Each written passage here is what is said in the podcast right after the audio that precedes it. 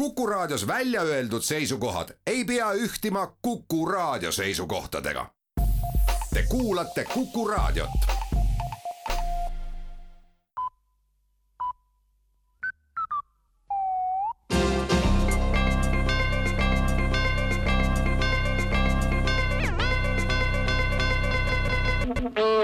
on uudiste eetriaeg ja stuudios Rohke Debelak kommertspangad annavad teada, et üha kõrgema Euribori tõttu aina ja aina kasvavad tulud toovad kaasa samas ka üha suuremaid kulusid.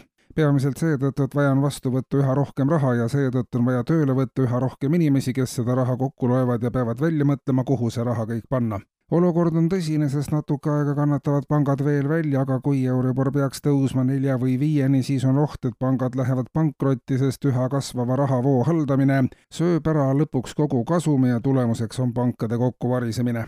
mingeid täiendavaid makse pangandus seetõttu kindlasti välja ei kannataks, lisatakse kommertspankade ühises pöördumises valitsusele ja avalikkusele veel majandusest. täna toimub Tallinnas riskikapitalistide esimene laiaulatuslikum konverents, kuhu on plaanis kaasata ka riskisotsialiste ja kui õnnestub, siis ka riskikommuniste. ainult riskikapitalismile üles ehitatud majandusmudeliga jätkata ei saa, seetõttu tuleb minna riskile ja kaasata senisest laiem spekter riskida soovijaid kui riskikapitalistid, riskisotsialistid ja riskikommunistid ja riskinatsionalistid jõud ühendavad, peaks tekkima täiesti uus sünergia ja võimalus riske maandada. koostöö on alles kompamisfaasis ja tänane kohtumine peaks kaasa aitama riskirahva ühinemisele. kui see korda läheb, toimub järgmisel aastal juba seminar pealkirjaga Riskirahvas, riskirahvas rõõmusta rahvusvaheline teadlasterühm, mis läinud aastal avastas aerofotode abil teadaolevalt suurima teelajaloolise Roomaja jäljed, on uuringutes teinud veelgi edusamme. Teadlasi algselt hämmastanud jalajälgede suurus viis nad aga eksiteele, sest viiehektarilise pindalaga jälgi ei olnud seni keegi avastanud.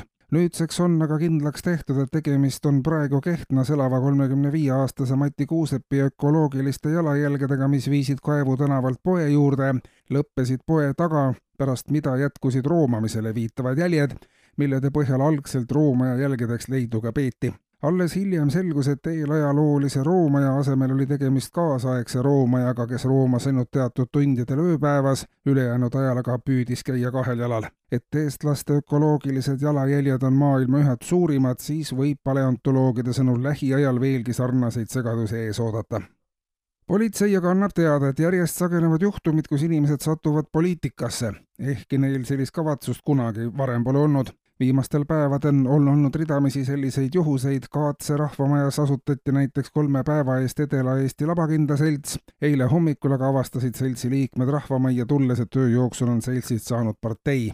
Kõik plaanid kududa ja kindlamustreid koguda ja jagada lähevad nüüd vett vedama, sest tuleb hakata valmistuma valimisteks. sama joonis kordus nädala eest asutatud Türi Konnasõprade Ühinguga ja veel enam kui kolmekümne seltsi või ühinguga, mis loodud viimase kuu jooksul nii kui inimesed millegi toreda ja arendava peale tulevad, muutub see peatselt poliitiliseks ja heast algatusest saab partei aga on ka drastilisemaid näiteid. Kernaveres läks kohalik elanik hommikul poodi leiva järele ja astus kogemata parteisse, kus ta juhuslike möödujate ja Päästeameti abiga siiski kahe tunni pärast kätte saadi. mehega kaasas olnud koera ei õnnestunud aga päästa ja loom on nüüd kevadiste valimiste kohalik esinumber. kuulsite uudiseid